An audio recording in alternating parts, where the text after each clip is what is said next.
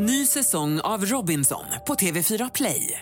Hetta, storm, hunger. Det har hela tiden varit en kamp. Nu är det blod och tårar. Fan händer just nu. Det. är Detta är inte okej. Robinson 2024, nu fucking kör vi! Streama söndag på TV4 Play. Du lyssnar på en podcast från Expressen. Fler poddar hittar du på expressen.se podcast och på iTunes. Dagböckerna avslöjar Adolf Hitlers innersta krets. Det här är Expressen Dokument, ett fördjupningsreportage om att nazistideologen Alfred Rosenbergs dokument är funna. Nazistideologen Alfred Rosenbergs dagböcker hittades nyligen, 67 år efter att han dömdes till döden och hängdes. Dokumenten användes som bevis i rättegången mot honom under Nürnbergprocessen, men har sedan dess varit försvunna.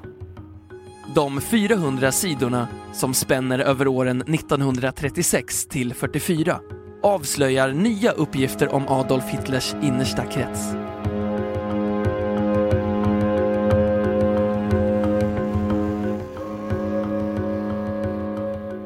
Den 16 oktober 1946 avrättades Alfred Rosenberg genom hängning efter att ha dömts för brott mot mänskligheten.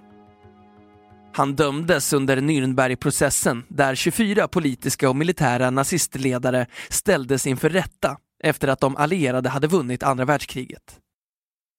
Innan han hängdes fick han liksom de andra krigsförbrytarna frågan om han hade några sista ord att säga. Han ska ha varit den enda av nazistledarna som nekade. Hans svar ska ha varit ett kort nej. Och sen rättegången är det många som har undrat vad han själv skrev under åren som en av Adolf Hitlers närmaste män. Det har länge varit känt bland akademiker att han flitigt förde dagbok under krigsåren. Men de kanske viktigaste delarna av dagböckerna har varit försvunna. Fram tills nu. I april i år hittades böckerna som spänner över åren 1936 till 1944. Utredare från USAs inrikessäkerhetsdepartement och åklagarmyndigheten i Delaware i USA fick ett tips i november 2012 från en konstsäkerhetsspecialist på USAs förintelsemuseum om var dagböckerna kunde hittas. Och det var det som gjorde att det 67 år gamla mysteriet nu har fått en lösning. De runt 400 sidorna av gulnat dagbokspapper hittades hos akademikern Herbert Richardson, 81, i Buffalo i delstaten New York. En brottsutredning ska nu bringa klarhet i hur han fick tag på de eftertraktade dokumenten. Fyndet har intresserat forskare som hoppas på att dokumenten kan ge ny information om nazistledaren.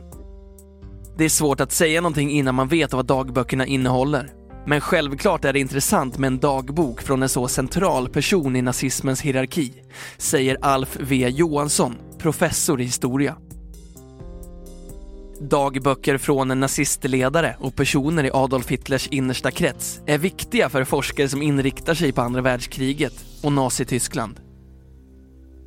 Hela innehållet i det nya fyndet har inte offentliggjorts men de sidor som har visats upp innehåller bland annat flera omnämningar om Der Führer, alltså Hitler.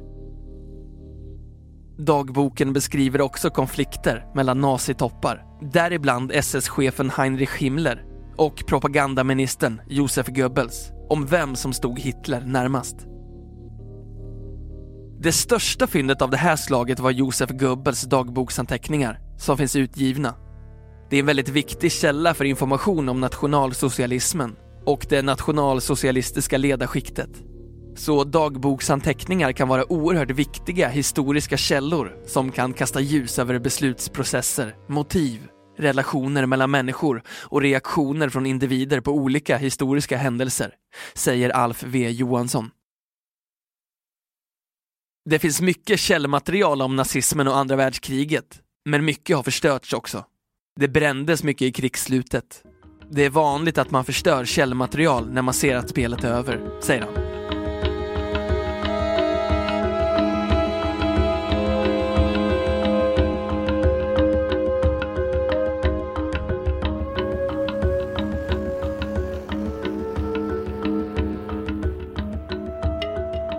Alfred Rosenberg var en av nazistpartiets viktigaste ideologer han publicerade flera böcker och hans tankar låg till grund för delar av nazisternas politik, däribland judeutrotningen.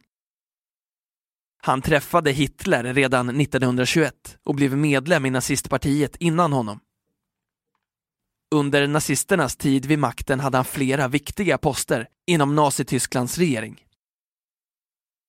Under andra världskriget var Rosenberg ansvarig för att plundra besegrade länder på konst, böcker och andra värdesaker. USAs förintelsemuseum uppskattar att han lyckades skicka 1,5 miljoner tåglaster med stulet gods från ockuperade länder till Tyskland.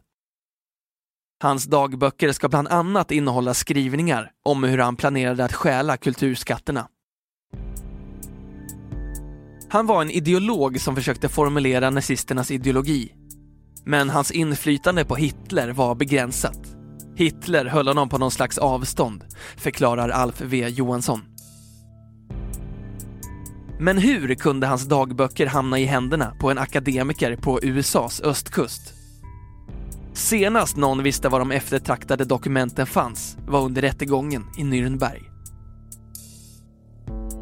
Robert Kempner var en framstående tysk-judisk jurist som flydde till USA 1939 och återvände till Tyskland efter kriget som åklagare under Nürnbergrättegångarna. Som både forskare och åklagare hade han ett öga för dokument som kunde bevisa nazisttopparnas krigsförbrytelser. Enligt USAs förintelsemuseum fick Kempner tillstånd att ta hem flera dokument för att kunna skriva, föreläsa och studera. Men John Morton från USAs inrikessäkerhetsdepartement har en annan syn på hur dokumenten hamnade i USA. Det här är en av de stora detektivhistorierna i vår tid. De smugglades ut från Nürnberg till USA, antagligen av Robert Kempner, säger han till CNN. Efter Kempners död 1997 besökte personal från USAs förintelsemuseum hans hem och gick igenom en stor del av hans dokument. Sen följde en dispyt om juristens arv som löstes först två år senare då museet kunde ta hand om dokumenten, då de upptäckte att de hade försvunnit. Fynd ur Kempners samling gjordes senare, 2001 och 2003, men det fanns då inget spår av Rosenbergs dagbok. Henry Mayer, tidigare chefsarkivarie på USAs förintelsemuseum, hade letat efter dagboken i 17 år. Det var han som slutligen listade ut var den fanns. Han fick den avgörande ledtråden av en slump när han besökte ett förvaringsutrymme där delar av Robert Kempners samling förvarats. Där pratade han med systern till en av Kempners sekreterare som sa att hon mindes att hennes syster hade sagt att hon gav dagboken till någon. En akademiker som bodde både i Kanada och i Buffalo. Eftersom dagböckerna användes som bevis i Nürnbergrättegången tillhör de den amerikanska staten. Dokumenten har nu förts över till Förintelsemuseet där de ska undersökas av experter och göras tillgängliga för forskare och allmänheten. Trots att det var snart 70 år sedan andra världskriget tog slut fortsätter det att komma fram nya uppgifter och nya fynd av stor vikt för forskningen. Rosenbergs dagböcker må vara det senaste fyndet, men det är med all säkerhet inte det sista. Efter kriget försökte man ju lägga beslag på så mycket som möjligt av det nazistiska materialet. Men att det tar lång tid innan vissa saker kommer fram beror ofta på att det har funnits i privat ägo, hos någon familj eller legat i något arkiv. Det kommer hela tiden fram nytt källmaterial, mer eller mindre spektakulära. Det här fyndet är givetvis intressant, då nazismen intar en så central plats i vår historiebeskrivning, säger Alf V Johansson. Du har hört Expressen Dokument, ett fördjupningsreportage om att nazistideologen Alfred Rosenbergs dagböcker är funna av Erik Högström, som jag, Johan Bengtsson, har läst upp.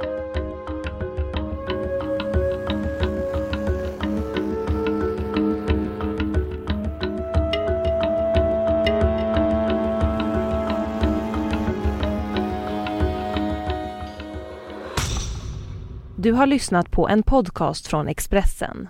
Ansvarig utgivare är Thomas Mattsson. Fler poddar finns på Expressen.se och på iTunes. Ny säsong av Robinson på TV4 Play. Hetta, storm, hunger. Det har hela tiden varit en kamp. Nu är det blod och tårar. Fan händer just nu. Det. är Detta är inte okej. Robinson 2024, nu fucking kör vi! Streama söndag på TV4 Play.